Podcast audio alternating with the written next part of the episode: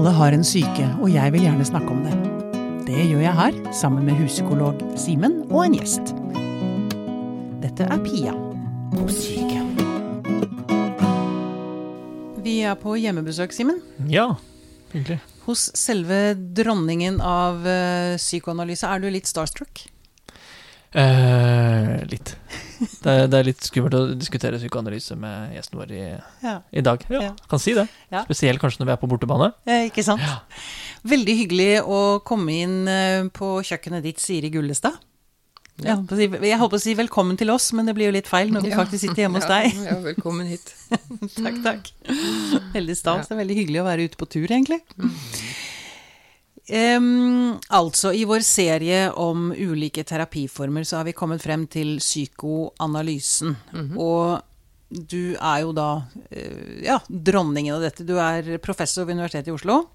Mm. Emeritus. Emeritus, ikke sant? Ja, viktig. Um, hva er egentlig psykoanalyse?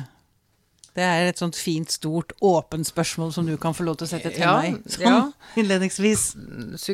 Betegnelsen psykoanalyse rommer eh, tre ting, eh, vil jeg si. Det er For det første er psykoanalysen en teori om personlighetens eh, utvikling og organisering.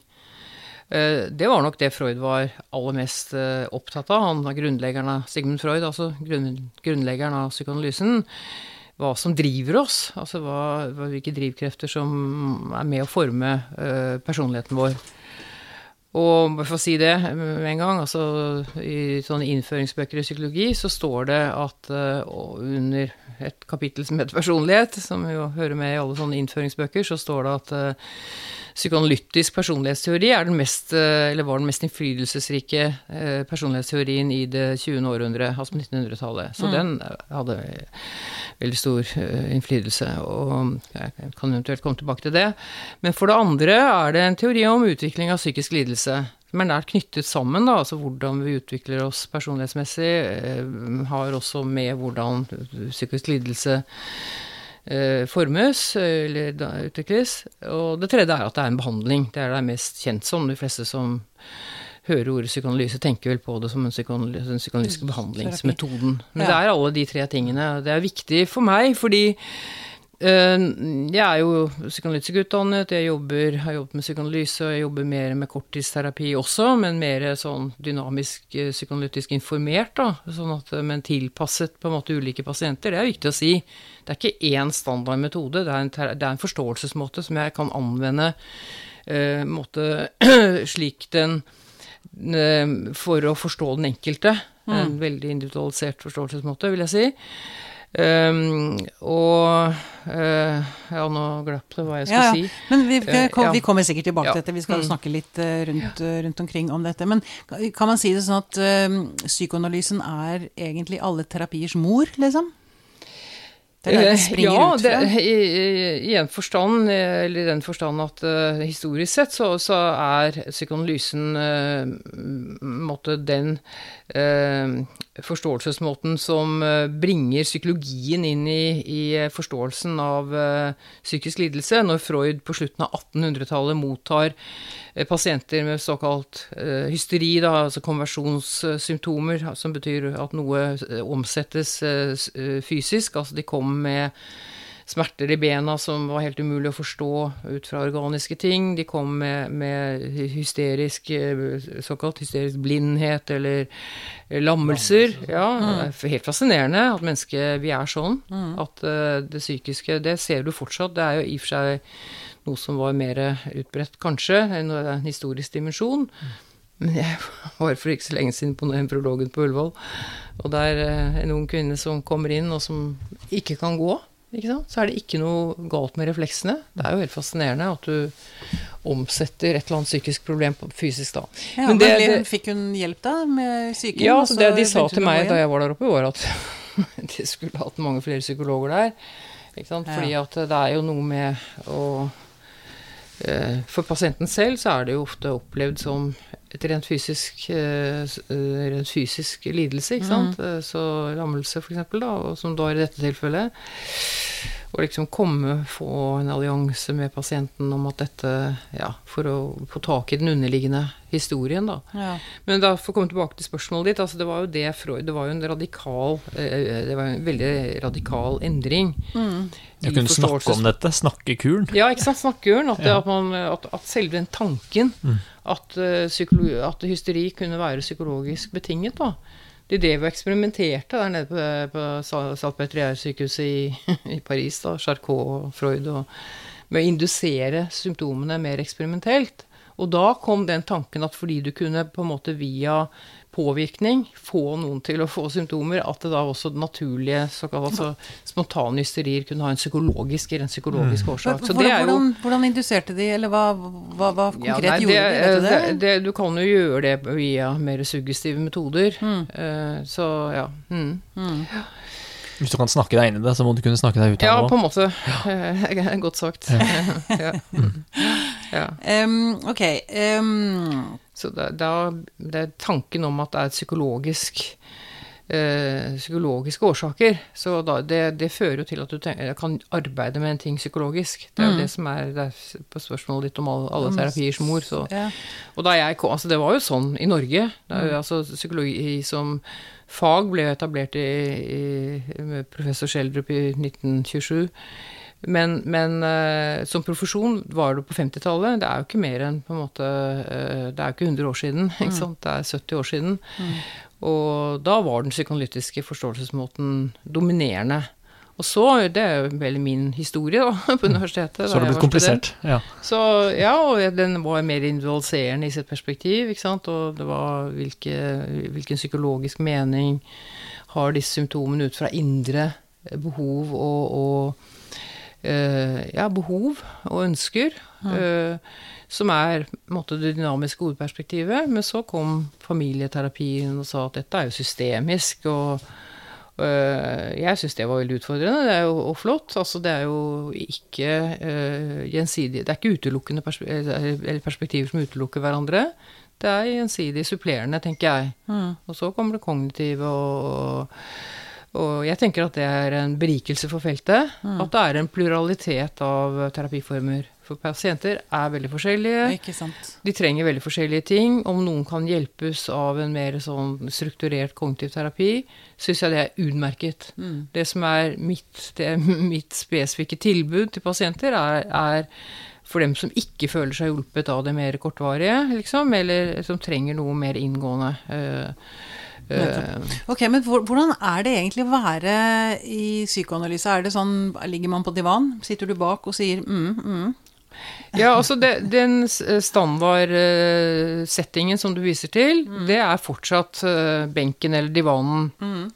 Og at, du, at eh, jeg som terapeut eh, sitter litt eh, ute av synsfeltet. Hvor, hvorfor det? det Jo, altså det, nettopp, ja, det skjønner jeg godt at du spør om, fordi det kan virke veldig sært om man kjenner fra sånn Woody Allen-filmer, eller Ja, ja. ligger på benken, liksom. Uh, og være sin skink, liksom, eh, type. Det er sånn uh, miljø. Det assosierer man kanskje til. Uh, og det er viktig å understreke at det har en begrunnelse. For, og begrunnelsen er at det er Altså, jeg snakker med pasientene åpent om dette. Jeg har pasienter nå som, som ligger én gang i uken. Det er jo ikke an analyse, men der jeg bruker settingen også i en mer eh, en gang i uka-terapitype, da. Og eh, da handler det om at eh, når vi sitter overfor hverandre så vi sitter her nå, ikke sant, så, så reguler, ser jeg på hvordan reagerer du på det jeg sier, og dere ser på meg, og vi regulerer oss i forhold til hverandre. Nei, nå så han skeptisk ut, og dette kommer jeg ikke i mål med, eller Dette likte han, dette likte han ikke. Ikke sant, sånn. Og så justerer du det du Ja, vil altså sånn at du, du, og du sitter og sjekker på en måte hele tiden. Sånn at eh, jeg sier til pasienten at det som er med den, eh, denne stille, liggende stillingen hvor jeg sitter litt ute av synsfeltet, er at vi kommer litt vekk fra det derre eh, eh, ansikt til ansikt, og, du, og blikket vendes mer innover. Det er en stilling Ja. som gjør det mulig at du mer på en måte vender blikket innover mot eh, ja, følelser, eh, fantasier som måtte dukke opp, eh, inntrykk, liksom. For du blir kanskje ærligere også, da, fordi du justerer ikke i henhold til Nei, det er klart Det. Nei, altså det er tanken, da. Altså tanken eh, bak metoden er jo å forsøke å være så ærlig som mulig. For Freuds instruksjon om såkalt fri assosiasjon var jo det at eh, forsøk å slippe til alt som måtte komme. Uansett hvor pinlig eller ubehagelig eller flaut det måtte forekomme. Og det sier jeg også, selv om det måtte være tanker om meg som kommer og, for det som skjer mellom oss her, liksom. Så forsøk å være så åpen som mulig.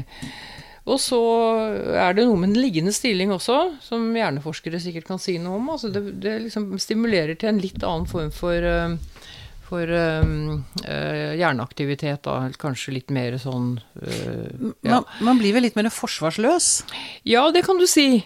Det er go godt sagt. Fordi jeg hadde, husker jeg hadde en pasient som, øh, som jeg Det var veldig tidlig, jeg var ganske ung psykolog. Hun gikk også en gang i uken, men lå ned. Men hun, øh, hun var veldig utrygg. Så det med, hun med en gang gjorde, begynte å snu seg for å se etter ansiktet mitt. Ja. Og følte liksom at Oi, er, det, er jeg trygg her? Er det noen som er etter meg, liksom, nesten?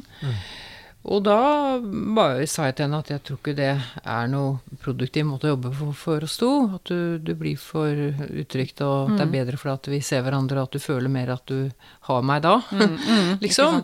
Så det er, jo, det er jo en metode som må tilpasses til den enkelte.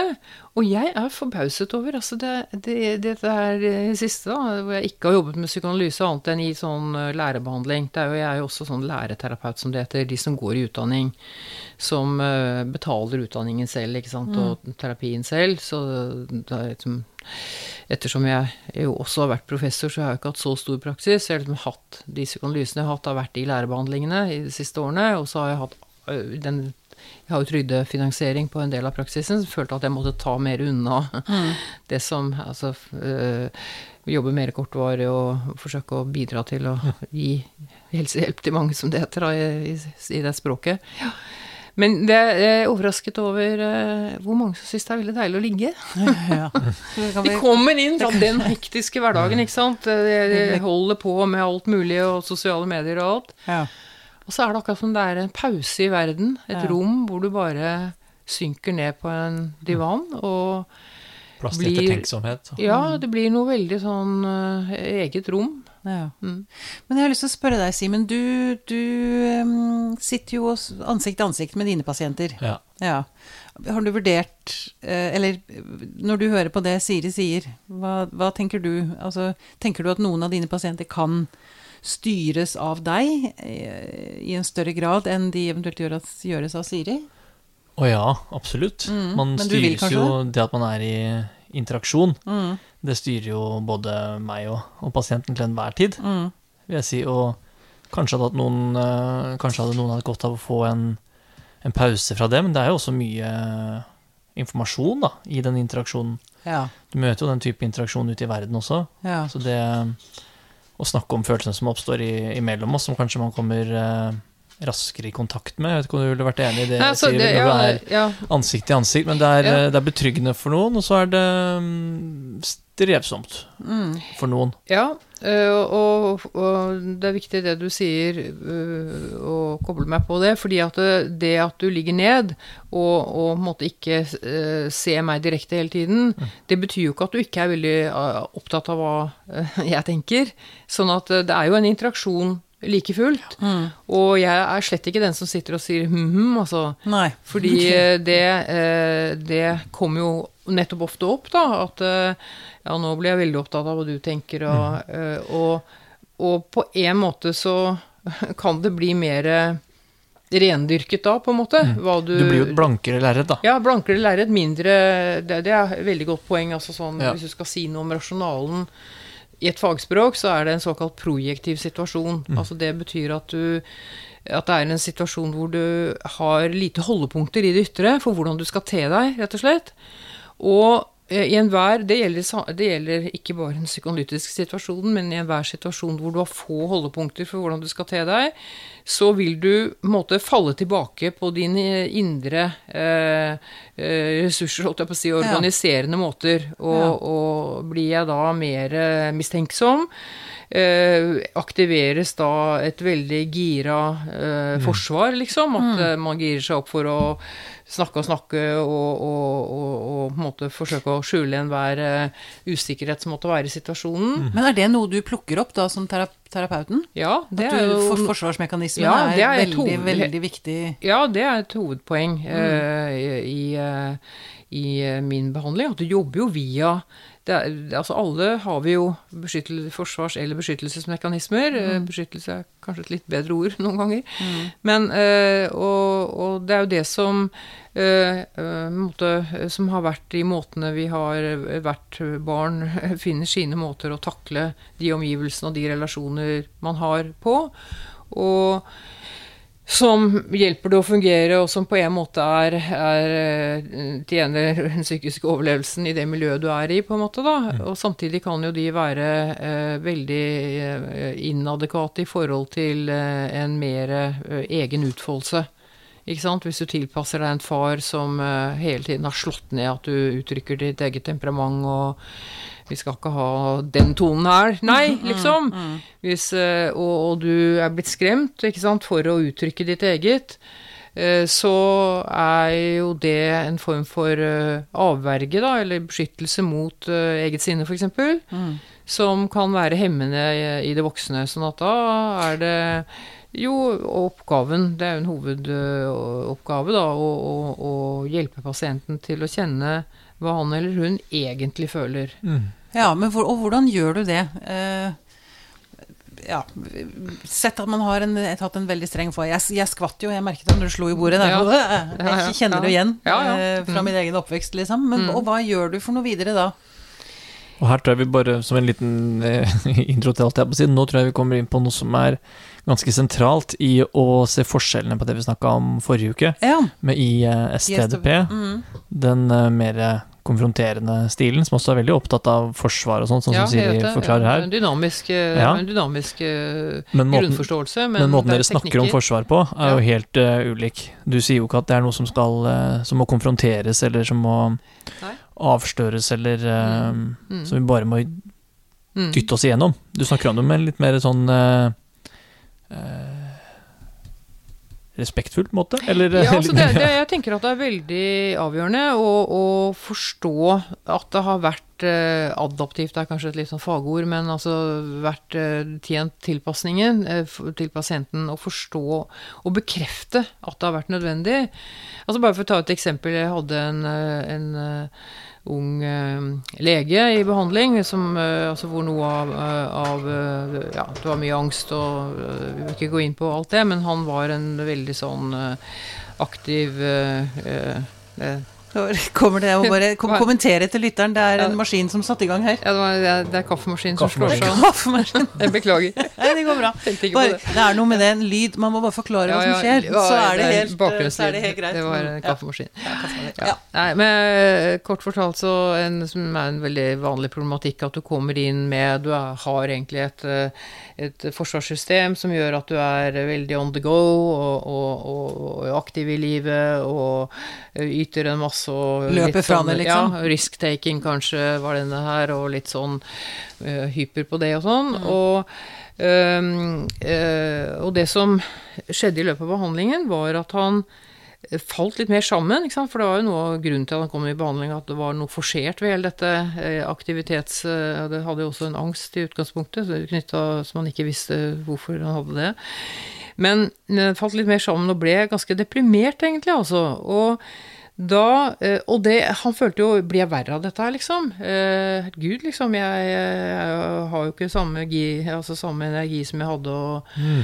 og kom i kontakt med en mye mer sånn Ja, veldig vond følelse, egentlig, av eh, noe sånn mer liten gutt, hjelpeløst, og det var veldig mye forhold til faren, og, og som følte seg aldri kom innenfor hos far, som ble avdekket der.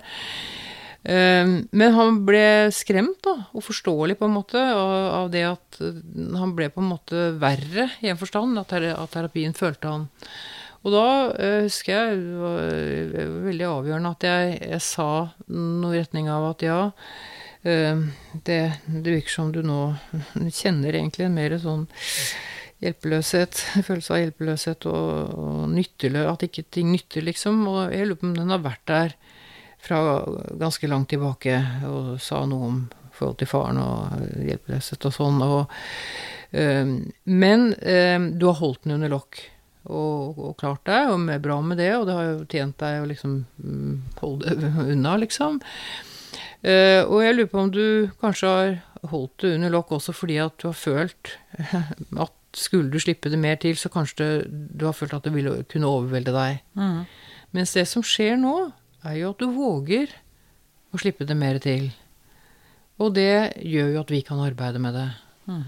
Så det han opplevde som forverring, på en måte i formuleringen 'våger', så ligger jo det at det er noe som kommer med igjen. ikke sant? For dette er et veldig sånn splittet selvbilde. ikke sant? Det er bare som suveren at du er bra nok i verden. Mm. Så hele dette mer eh, depressive laget på en måte var holdt unna. Og det å ja, forstå at det har tjent en funksjon, eh, det å holde det unna, og respektfullt, som du sa, det tror jeg er et veldig godt ord for meg. At det er eh, Respektere at det er, et, det er jo et lite byggverk pasienten har utviklet med det ja. forsvarssystemet. Men at nå, nå våger du å måtte Men fikk han det bedre? Ja, fikk det mye bedre. Ja. ja det gjorde han. Høres, høres ikke nødvendigvis sånn ut. Nei, altså, det var jo en periode og Det var jo en typisk eksempel på en sånn type struktur som trengte en mer sånn inngående mm. bearbeiding. Da. Mm. Ja. Men er det ikke å si, ganske vanlig at når man begynner i terapi at man føler seg dårligere en stund. Det er vel ikke uvanlig at når man begynner å gå imot sine vante mønstre, ja. man begynner å løfte mm. frem gamle traumer, mm. så vil jo det nødvendigvis påvirke både fysisk og psykisk. Ja, skulle jeg tro. Ja, det er, Absolutt. Det er, ja. jeg, jeg, tenker at det er liksom viktig å fortelle til folk. Jeg vet ikke hvor mange lyttere vi har som aldri har vært i terapi, men det kan jo hende at det er fortsatt at det er folk der ute som er redde for å, å, å starte, liksom. At man, mm. at, å vite det, at det er jo det er en jobb, liksom. Det er krevende, ja. og, det, og, og, det, kan være smertefullt i perioder, liksom. Mm. Ikke så uvanlig med, med, en periode hvor man rett og slett føler seg ganske hudløs. Mm. At liksom nervene er uh, blottlagt. Mm. Når man har begynt å legge fra seg noen av de strategiene man kanskje har brukt i mange år. Det er jo skremmende ja. og fælt og vondt. Og mm. også for kan også være utfordrende for terapeuten å holde og likevel holde fast i at dette er, uh, dette er riktig. Og stole på det, ja. Dette er, uh, dette er, vekst, og det kan komme et sunnere menneske som til og med har det bedre ut på andre siden. Ja, Men det krever jo tro på det du, det du driver med. Ja, og du, det er jo et uh, godt ord du bruker der med hudløs, altså litt sånn humor i skallskiftet, som ja. Harald Schjelderup kalte det.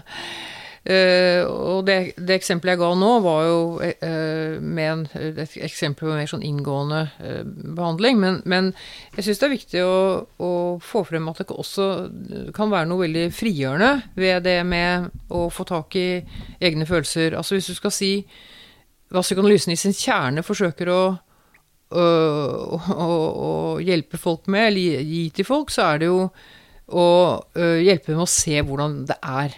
Altså, det, hvordan Veldig enkelt altså formulert. Hva, hvordan, hva, hva, er det som egentlig er i livet ditt? egentlig. egentlig. Hva egentlig det er et viktig ord, da. Ja, ja, det er et viktig ord for meg. Ja. Og det vil jo enhver konstruktivist og vitenskapsteoretisk informert uh, postmodernist kanskje gå løs på å si at essensen finnes ikke og sånn, men det er en annen diskusjon altså, som jeg gjerne deltar i. Mm. Men, men, uh, det kan absolutt gi mening i terapirommet. Altså, jeg tenker på Jeg kom på nemlig altså et annet eksempel som jeg hadde for ikke så lenge siden, med en mann som kom, og det var mange ting og sånn, men øh, Jeg spurte liksom om han levde i et langt ekteskap og sånn. Nei, det ekteskapet var helt fint. Liksom. Det var ikke det som var problemet. Mm. Og så etter ganske kort tid så liksom kom det noen episoder, og jeg syns det virket som det slett ikke var så idyllisk, det forholdet. Mm. Så jeg sa noe sånt som at eh, Ja, kan det være at du også, at du også er litt irritert, liksom? Mm. Ja, jo, liksom. Litt sånn at det gjør en litt lengre historie kort, da. Men Han eh, fikk tak i at han egentlig var ganske irritert. En styrende kone. Hun liksom mente, var hun som hadde ment han skulle gå i terapi også. Og, og altså, hun eh, hadde styringa på det meste hjemme. Og han hadde latt seg styre på mange måter. Som en del menn, for øvrig, vil jeg si. Okay. Det er ikke bare okay. jeg inne- eh, tilhører feministgenerasjonen. Lite blikk men- bort på Simen her, ja. ja, nei, men, men det er ikke uvanlig det. At damene tar liksom styringa av hjermen, liksom, og over ungen og det hele. Eh, og Nei, hun var ganske så irritert, liksom. Og det var noe veldig frigjørende ja. å få tak i det. Altså aggresjon. Jeg har jo skrevet en doktorgrad med autonomi. Jeg har vært særdeles opptatt av det. Jeg kalte jo Å Si ifra, heter den boka som kom ut av den doktorgraden. Um, som jo handler om Det handler jo om å få tilgang på aggresjon i selvrepresentasjonens tjeneste, da, for å bruke litt sånn eh, faglige ord. Selv, det, Forklar det litt. Selvrepresentasjon er å på en måte representere sitt eget, da. Si sin egen mening, si Ja. fra her Nei, det finner jeg meg ikke i. eh, Dette passer ikke meg. Her går grensen, liksom. Det, aggresjon kan også være destruktivt, for all del. Men aggresjon etymologisk uh, betyr noe sånn som å uh, gå imot og Ja, det er jo sånn som barn sier. Dette er min leke, ikke sant. Eh, Dette er mitt. Her går staur-temaet i norsk bondeliv, holdt jeg på å si. Her er min eiendom. Dette er mitt beiteområde. Altså, men det er jo en evne til å si fra. eh, ikke la seg overkjøre.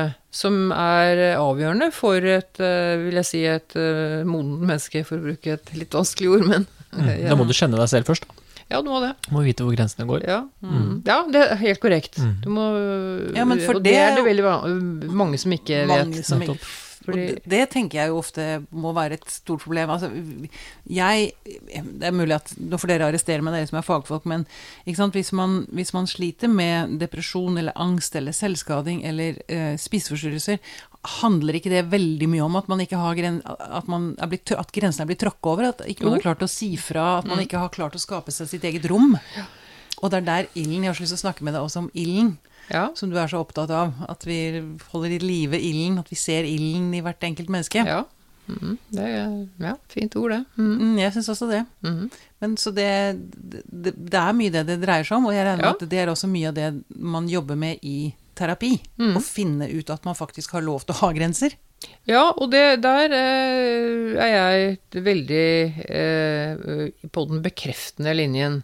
Jeg kan si at eh, ja, det var jo Her virker det som det var et vitalt barn, da, som på en måte eh, sa Brølte og skrek, liksom, men så Som har gått under jorden.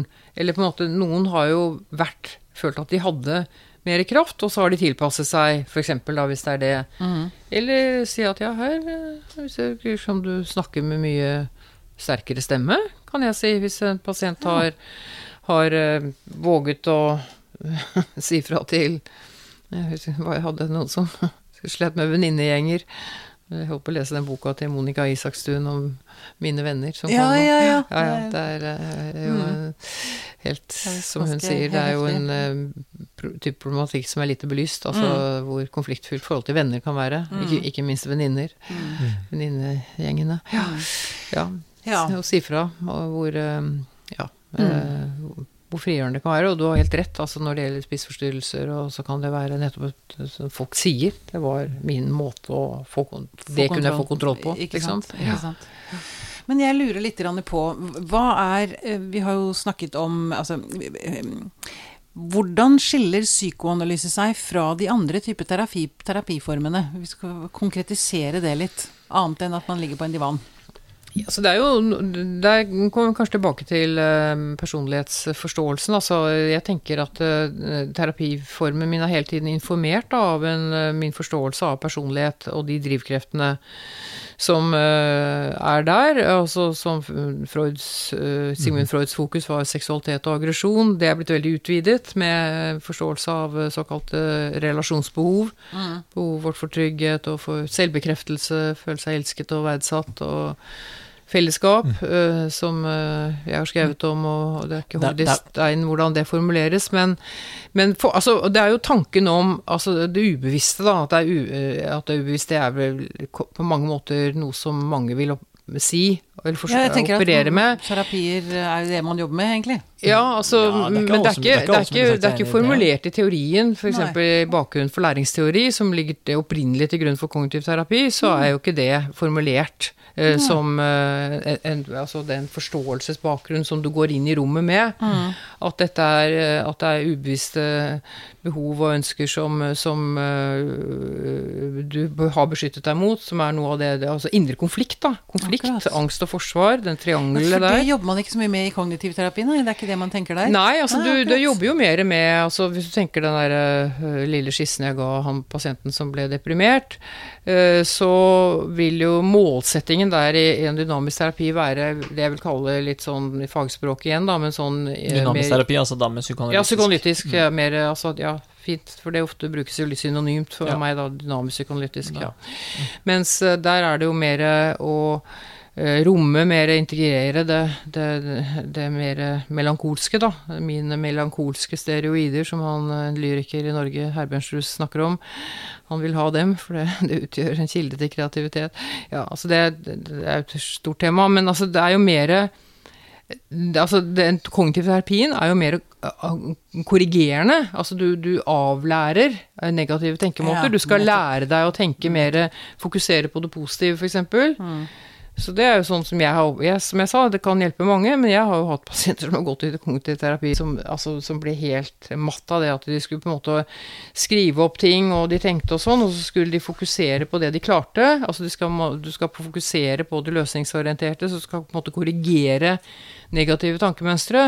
Det er jo en veldig annen tilnærming, eller mål, vil jeg si, enn enn det å tenke at du eh, forsøker å romme at den Forstå lille, det, og så romme ja, det, og- romme den lille Den lille Vi kanskje har veldig mye av noe av hver av oss. Altså det Lille sårede barnet. sårede barnet og Men vi snakker kanskje om to ulike ting her. Altså Vi snakker om eh, terapiformatet, som kan være ganske annerledes. Mm. En eh, klassisk psykoanalyse så vil du gå flere ganger i uka og kanskje ligge på divan og sånne ting. Altså selve formen på terapien. Men eh, det du snakker om nå, Siri, er jo på en måte den eh, menneskeforståelsen og Ja, patologiforståelsen, ja. hvor psykoanalysen har ekstremt mye å by på, da, og som, sånn som du er inne på, ja, men du tar jo for gitt at den type forståelse er vel all psykologi, Ja, sant? og det er ikke så rart. Nei. Og eh, den er jo um, veldig innflytelsesrik, selv om den går jo imot um, den uh, mer medisinske diagnostiseringen som Ja. foregår rundt om på DPS-er. Så er det jo Mhm. sånn Kan du sjekke disse fire boksene, Mm. da er du deprimert. Mm. Og så kan du da få en, en eh, enten medisiner eller en manualbasert eh, behandlingsform over tolv timer, og så blir du frisk. Som om det var en, en sjukdom som du Mm. fikk, som du kan Ja, bli frisk av. Ja. Mm. Men så har du den mer Ja. psykoanalytiske forståelsen av patologi, som er jo helt annerledes, som, tar, som er mye mer ambisiøs, som tar inn over seg hele mennesket, utviklingen din, relasjonene dine og følelsene dine, Mm. Personligheten din. Ja. Mm. Og eh, behandlingen vil jo også da bli helt annerledes, en helt annen måte å forstå helse og uhelse på, ikke Ja, sant? og det, det jeg tenker nå, da, det er at det, det, det er jo veldig mye mer kostbart for en stat. Jeg bare tenker Eller ideelt sett så skulle jeg ønske at når man kom til en DPS med en depresjon eller en angst, at man endte i psykoanalyse. Eller en lignende form for terapi, og ikke at man sjekket fire bokser og fikk tolv timer med kognitiv terapi, og så ut med deg, liksom. Så frisk. Men så er det vel Nå setter vi det litt på spissen. ja, for- selvfølgelig, men ja. vi er, vi, er- vi er Ja, jeg må liksom det for å komme noen vei, Mm. føler jeg. Jo, men altså, jeg tror, eh, Simen, eh, som jeg oppfører oppfatter deg, altså, du, du, så er det øh, eh, mulig å komme til en DPS og ikke nødvendigvis med tanke på å gå i en langvarig psykoanalyse, men allikevel møte en, eh, en behandler med, som er litt mer informert om at eh, det er ikke en sykdom som du bare skal. Utredning er jo det som står i høysetet i DPS-ene, sånn som jeg erfarer eh, Jeg er jo ikke selv i det systemet, men jeg er- veileder jo mange og sånn.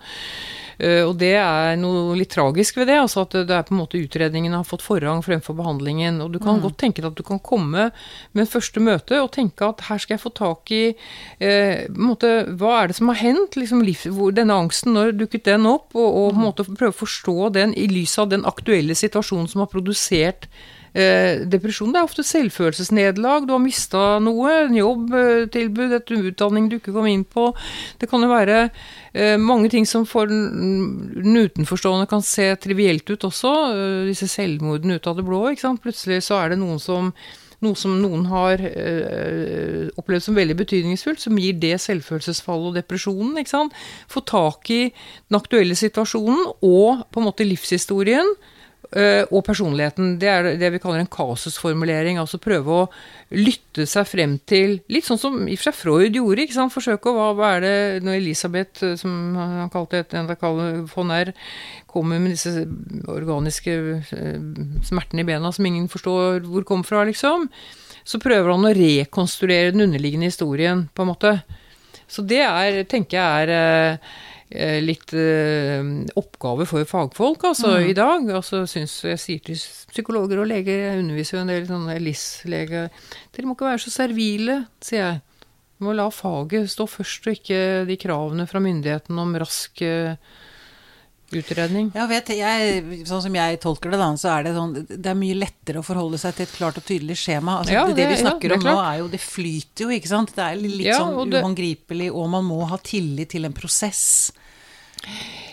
Ja, og det som, altså for å komme tilbake til spørsmålet ditt, som jeg tenker er veldig sentralt, Pia, altså det med hva er det som kjennetegner psykoanalysen som terapiform sett i, i, forhold til andre, og du, vi snakket om det med forståelse av psykisk lidelse, personlighet, som ligger til grunn, som informerer terapiformen. Det er liksom én måte å svare på. Og en annen måte å svare på er jo at når vi snakker om via behandlingsmøte, så er det jo det jeg tenker når du Det er det også å la seg bli berørt selv. Det mm. tenker jeg er blitt veldig mye mer sentralt i min eh, forståelse av det å være terapeut, og ettersom jeg er blitt eldre òg. Altså at du, du, du, engasjerer deg jo i et møte med den enkelte eh, som uh, gjør at eh, og du selv blir også aktivert følelsesmessig. Du kan komme til å mm, Og der har jo psykoanalysen noen begreper som jeg tenker at det er kanskje en stor forskjell. At du innreflekterer det møtet, og, og, at de kreftene som ligger i det møtet,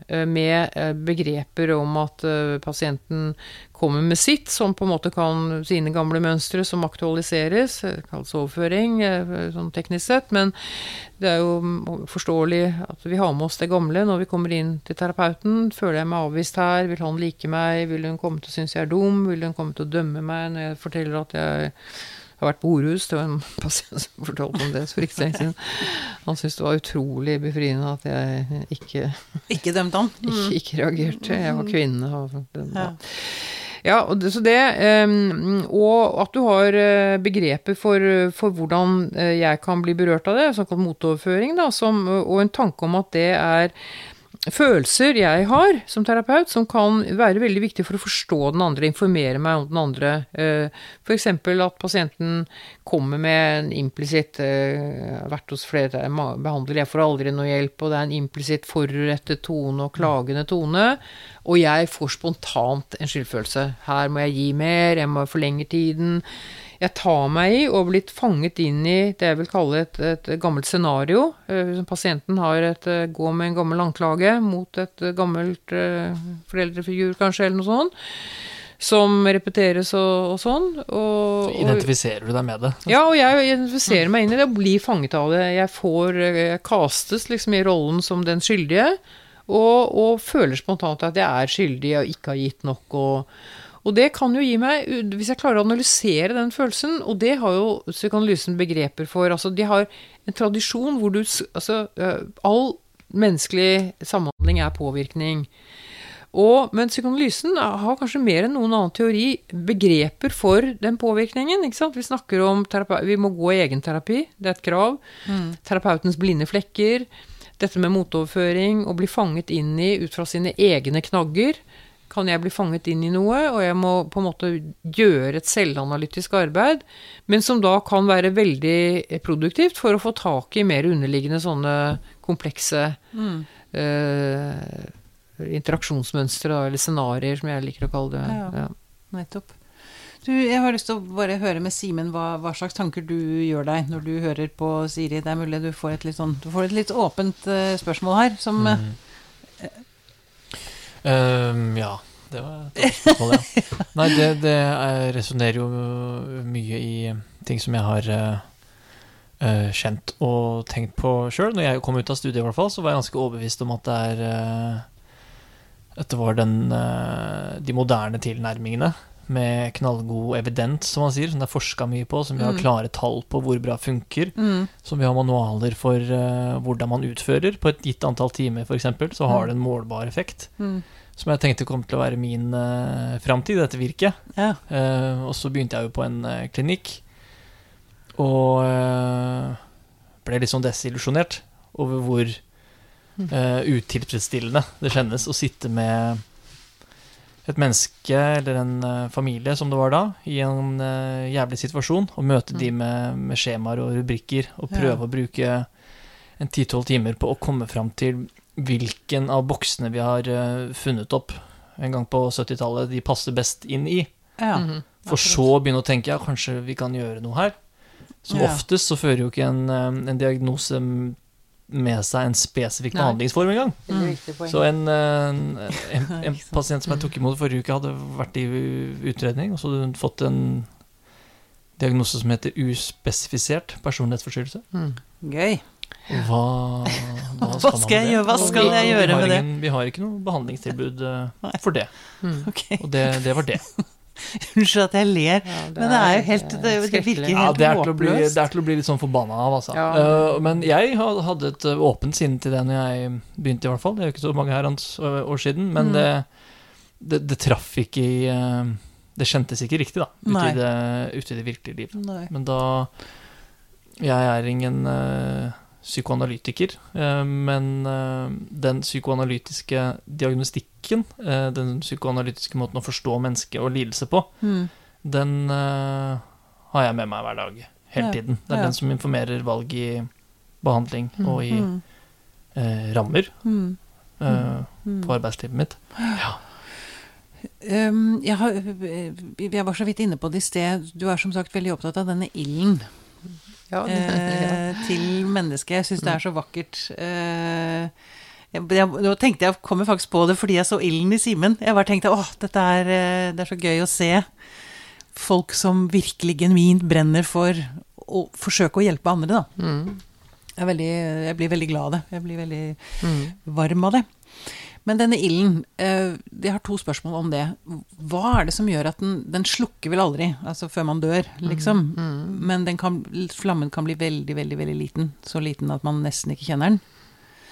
Hva er det som gjør at flammen blir liten, og hvordan får man den stor og sterk igjen? Ja, altså, Ilden er jo i og for seg ditt ord, tror jeg. Å, er det det? Jeg, jeg, jeg tror du... jeg leste et intervju med deg hvor du snakket om ilden. Ja, det gjorde det, ja. ja. Jeg, jeg har det. skrevet mye om begjær i det siste. Begjær og altså, lyst og, som drivkraft, da, mm. og sånn.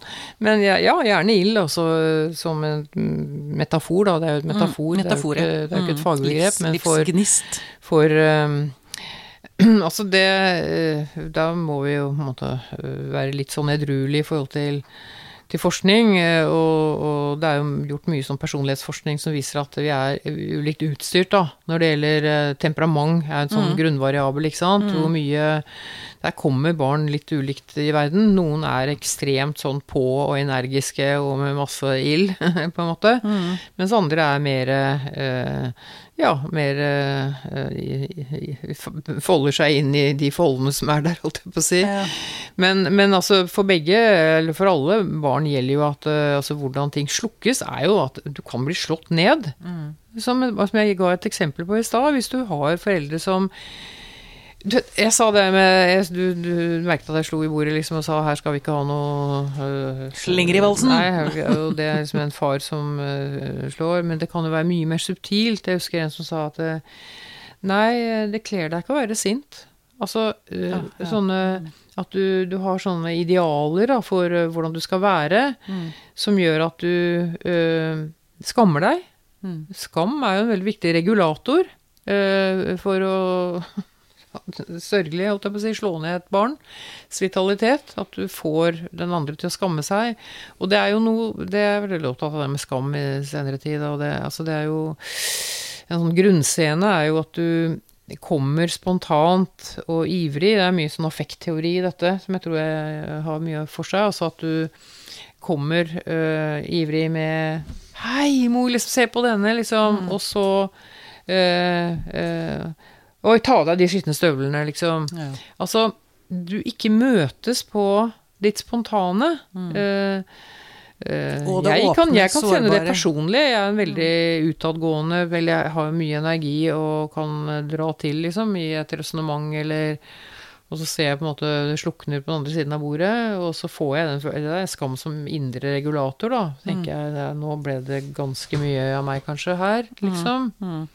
Kom ikke den andre til orde her, liksom. Altså Sånn, så sånn uh, Dette er jo mellommenneskelig interaksjon som gjør at uh, ditt, ditt, spontane Jeg liker godt det spontane, altså det, mm. det uh, vitale utfoldelsen slås mm. ned. Men som jeg sa, i terapi så kan du prøve å altså, jeg, jeg, jeg, når jeg hører historier, sånn livshistorier, så kan du jo høre om et sånn barn som var Ikke så lenge siden jeg snakket med en jente, hun hadde vært veldig mye mer uh, utadgående og kraftfull, følte hun. Og så var det noen hendelser ikke sant, som gjorde at uh, hun følte plutselig at det var altfor mye av henne. Det var ikke plass til henne, det var alle andre som gjaldt. og noe som har ført til at du er blitt liksom slått ned. Og da kan du jo på en måte få tak i hva var det som skjedde, på en måte. Mm. Som gjorde at uh, den ilden både sluknet og, og hva med å kjenne på den igjen, liksom. Mm. Ja. Det var kanskje noe mer kraft her enn du var klar over, liksom. Ja. Og jeg sier ofte pasienter at det er jo ganske mye kraft da, i den protesten der, liksom. Altså at du reformulerer er jo et sånt ord som de drev med i familieterapien, men det er jo også noe jeg gjør, merker jeg mye. Altså at du eh, Det som pasienten føler selv eh, som noe som har vært kritikkverdig, eller at du ser eh, det kreative ved det, f.eks. Eller det vitale ved det, eller kraftfulle ved det, eller ilden da, ved det. Mm. Ja. Mm. Bidrar til å peke på det. Mm. Tenker du, eller dere, at alle kan hjelpes? Ja, det er jo et veldig vanskelig spørsmål. Altså, det, alle kan ikke hjelpes med terapi. Mm. Eh, det er en viktig, viktig eh, evalueringssak, tenker jeg. Altså, noen kanskje er mer tjent med en mer sånn strukturert rådgivning når det gjelder Altså, folk er jo så himla forskjellige. Mm. Noen trenger mer medikamentell behandling, mm. for all del. Og, og, så det er jo viktig, å, for, ikke minst for psykologer, å ikke bli utbrent. At man ikke tror at alle kan hjelpes med terapi. fordi at da kommer du ut i verden med en kanskje vel optimistisk eh, mm visjon, da, på en måte. Fort, fort smelle i veggen. Og, ja, og, og, og, går i veggen, mm, istedenfor mm, mm. å på en måte tenke differensiert at hvem er det egentlig jeg føler her jeg kan få en allianse med, som profitterer på denne måten å uh, snakke sammen på. Mm. Ja, sånn tenker jeg det. Men uh, jeg tenker at det er en profesjonell utviklingsoppgave å forsøke å kunne være tilgjengelig for flest mulig. Det tenker jeg også. Mm. Mm. Og vite hvem dette ja. passer dårlig for. Ja. Hvem skal ekskludere også. Ja. Mm. Mm. Du, nå, Vi begynner å nærme oss uh, slutten, men vi eh, hadde jo Philip Myhre i studio forrige, um, forrige uke. Ja.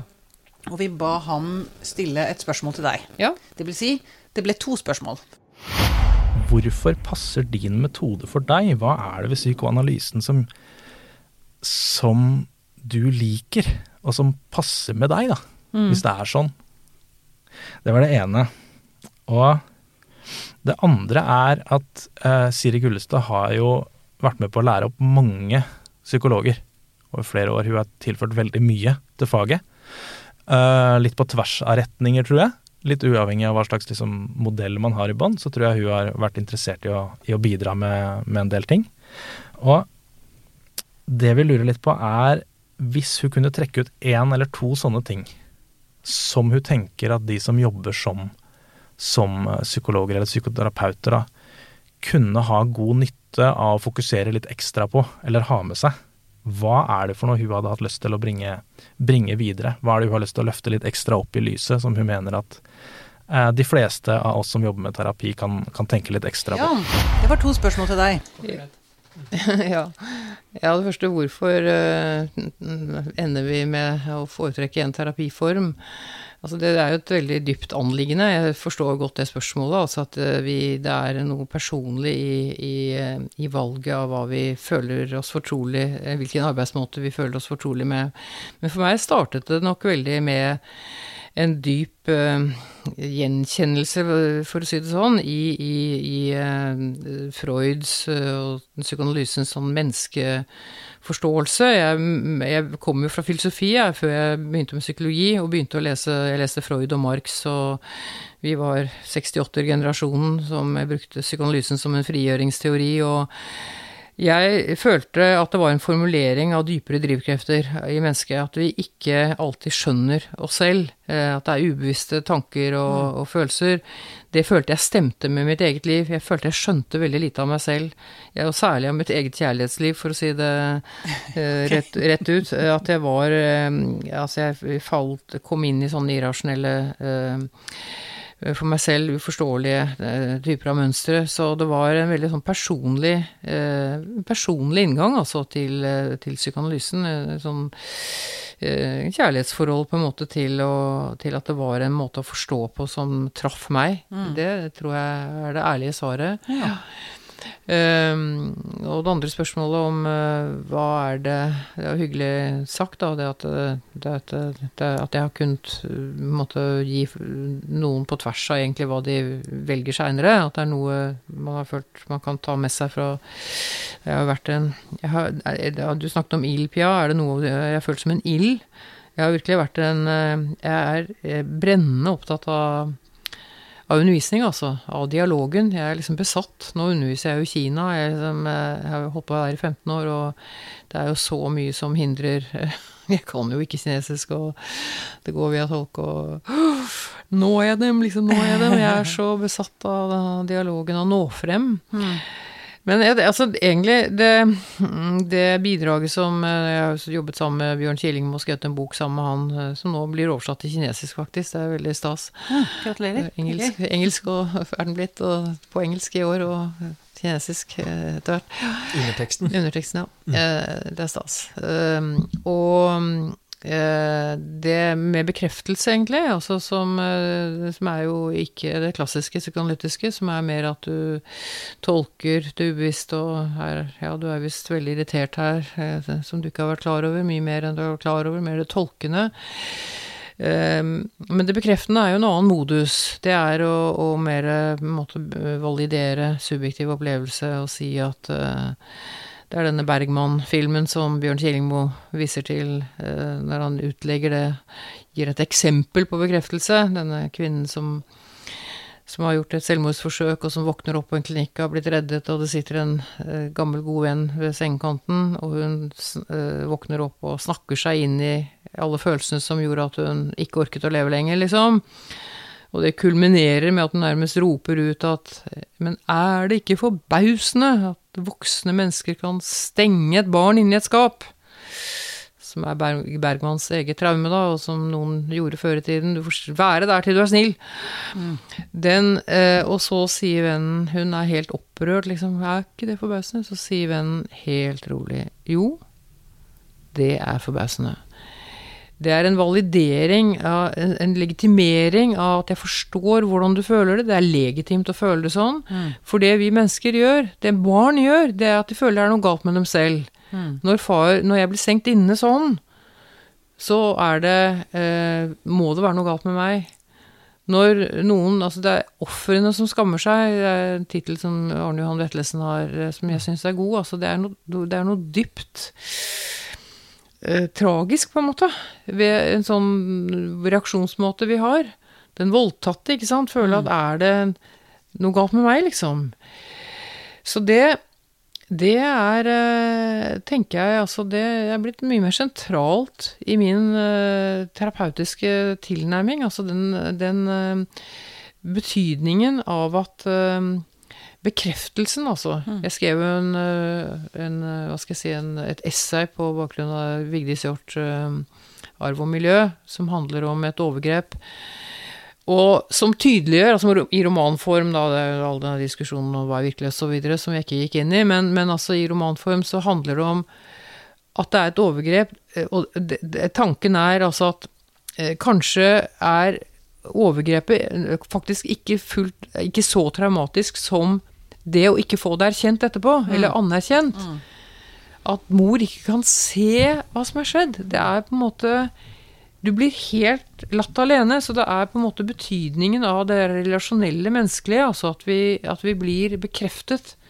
Så bekreftelsen har den psykologiske effekten at jeg blir sett, jeg blir forstått, jeg blir legitimert, akseptert på en måte. Det er en sånn Ja, og følelsene mine er riktige. Det er følelsene det mine sier. er riktige. Jeg har lov til å føle det ja, jeg føler. Det, det, det stemmer. Det er helt naturlig. Ja. Når du blir behandlet sånn, så er det Det var vel ikke rart at det, det, var vel ikke rart at du er skeptisk, sa jeg. En pasient som kom igjen, var så skeptisk. Så istedenfor å på en måte overbevise om at jeg behøver ikke være skeptisk, mm. jeg skal ta deg på alvor, tar du meg på alvor ja, så du er skeptisk. Mm. Det er vel kanskje ikke så rart at du er skeptisk. Mm. Du har jo fortalt meg at du du egentlig ikke har opplevd å bli tatt ordentlig på alvor. Mm. Da er det vel ikke rart du er skeptisk. Mm. Det forstår jeg. Mm. Det er vel ikke rart at det er den bekreftelses No wonder that på engelsk. Altså mm. det, er, um, det tror jeg faktisk er noe av det som jeg opplever som veldig sentralt i min uh, Vil fremheve, ja. Mm. ja. Jeg kan tenke meg at det, jeg, jeg, kan kjenne igjen det i meg selv. Altså fordi hvis man er eh, såret av sine foreldre mm. og ikke er blitt sett, ja. så er det klart at det de er vanskelig for dem å validere ja. den. Men det kan en terapeut gjøre. Ja, det kan en mm. terapeut gjøre. Mm. Mm. Ok, eh, så lurer jeg på om eh, du da Jeg lurer på om du egentlig har formulert et spørsmål til Sverre Urnes Jonsson om, om metakognitiv terapi. Ja. Mm. Um, for vi snakket om dette med det kognitive i sted. Altså, uh, ja, eller har du, har du, formulert et spørsmål sånn underveis nå mens vi har snakket? Ja, dette er jo kommet uforberedt på meg, og jeg føler at jeg er for lite opplest, rett og slett, mm. på metakognitiv til å nå uh, måtte være, uh, komme noe særlig vettugt eller presist. Um, spesielt til den terapitilnærmingen. Mm. Um, kan du kanskje bruke den kognitive retningen mer generelt, da? Ja, altså det, det, det handler jo om uh, i hvilken grad uh, det tas på alvor. Altså at uh, det terapeutiske møtet er en relasjon hvor også terapeuten blir emosjonelt berørt. Mm. Som er noe av det som ikke lå i Sigmund Freuds terapi. Han var mer enn liksom uh, uavhengig jakttager eller ob objektiv ja. observatør, som vi ikke tenker er mulig i dag. Sånn at uh, det at jeg, min stimulusverdi, som jeg liker å kalle det, altså jeg må være bevisst uh, hvordan jeg er med i dette interaksjonelle feltet. Og, og, bruker også de følelsene jeg får der som informasjon om hva som skjer mellom oss, og hva som er hva den andre spiller ut hva, hvordan eh, om, om, den eh, metakognitive her, da, eller altså om kognitive vil tenke at det er irrelevant, liksom. Jeg syns det var en interessant diskusjon. Mm. Um, om de det tar, tar, det med i betraktningen, eller om det eh, ikke eh, Om de tenker at de kan jobbe uten at det eh, er med i, mm. i i refleksjonen, på en mm. Ja. Mm. Hvordan forholder dere dere til menneskemøte. Ja. Mm. Mm. Mm. Bra. Nå mot slutten, helt mot slutten, er det noe du har lyst til å føye til eller understreke av det du har eh, Det vi har vært innom i løpet av denne episoden, Siri? Jeg syns vi, vi, har snakket om ganske mye. ja, vi har det. Jeg, jeg syns vi har snakket ganske mye, egentlig. Men, ja. men eh, nei, det, det er nok kanskje noe av det Eh, som eh, Ettersom jeg som sagt jeg er en eldre terapeut med lang, lang fartstid.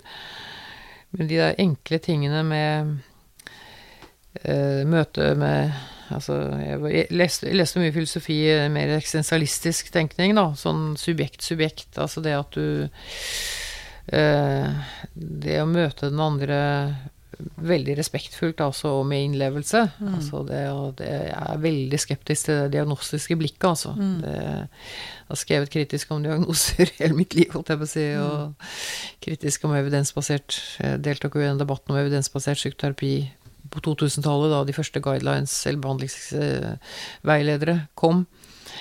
Uh, og for all del, altså, man Jeg skjønner at eh, Jeg skjønner det prosjekt om å prøve å finne Kanskje det er noen teknikker man må For å hjelpe en som har angst, så må du eksponeres, altså hjelpe til med det, liksom. Altså, det er ikke det at man ikke kan finne frem til noe, men altså det derre eh, at eh, det utredningen, det gode eksempelet til Simen her, mm. altså kommer eh, Man tror at man gjør noe for en pasient bare ved å utrede. Jeg syns det er helt opprørende, rett og slett. Mm. Det er, du har en uspesifisert forstyrrelse. Ja, altså det er Jeg har hørt en som fikk En ung, ung jente som fikk, eh, kom til psykologen og fikk diagnosen bipolar. Og hun falt helt sammen, og aldri mer psykolog. Hun kunne ikke hjelpes etter det. Altså det, det var eh, det er, Jeg syns det er veldig uetisk, rett og slett, at man mm. ikke tar ansvar for hva man gjør når man setter en diagnose. Hvis det er det, Altså, det sier ikke Det skjer alltid, selvfølgelig. Men det er noe med det humanistiske, kanskje. Det der eh, å, å møte en annen som uh, står igjen det nakne, mest destillerte. Mm. Mm. Vi, vi snakka litt om i stad at det er jo en uh, Kanskje en skummel tanke, eller det blir veldig stort og uoversiktlig mm. når vi skal gå bort ifra det, at det finnes én sykdom og én behandling til den. Men ja. det er jo en litt skummel tanke òg, da, å skulle gå inn i et nytt pasientmøte med en idé om at her finnes det en fasit. Her er det mm, mm. en mm. lidelse som man må finne ut av er den mm. rette beskrivelsen. Mm. Og hvis jeg gjør det, så finner jeg den behandlingen. Mm. Og det er litt sånn i, i eh, psykologerforaer også, så er noen av de vanligste spørsmålene som kommer opp, er Man beskriver litt en pasient. Uh, hva gjør man med sånn? Ja. Og, og da begynner det å legge seg en sånn grunntanke om at det finnes en sånn. Ja. I en, uh, en, passende behandling til en uh, bare du finner den riktige beskrivelsen. Mm. Det er jo egentlig enda mer angstprovoserende, mm. Fordi det klarer man jo ikke å finne. Mm. Nei, nei, men, men, ideen om at det finnes altså, Da blir det enklere å forholde seg til det på en eller annen måte. Liksom. Ikke hvis du aldri bare... finner det. Da nei, blir det jo bare nei, angstprovoserende leting hele tida. Mm. men nå spinner jeg videre på noe som du skulle egentlig bare avrunde. Ja, ja, nei, men er, vi kunne jo sikkert Vi kunne sittet der og snakket i timevis. Det tror jeg. Mm. Tenker jeg. Men jeg tror vi bare runder av. Jeg Siri Gulestad, tusen takk for at vi fikk komme hjem til deg. Ja. Det var veldig hyggelig. Ja, takk, takk selv. Takk selv. Ja.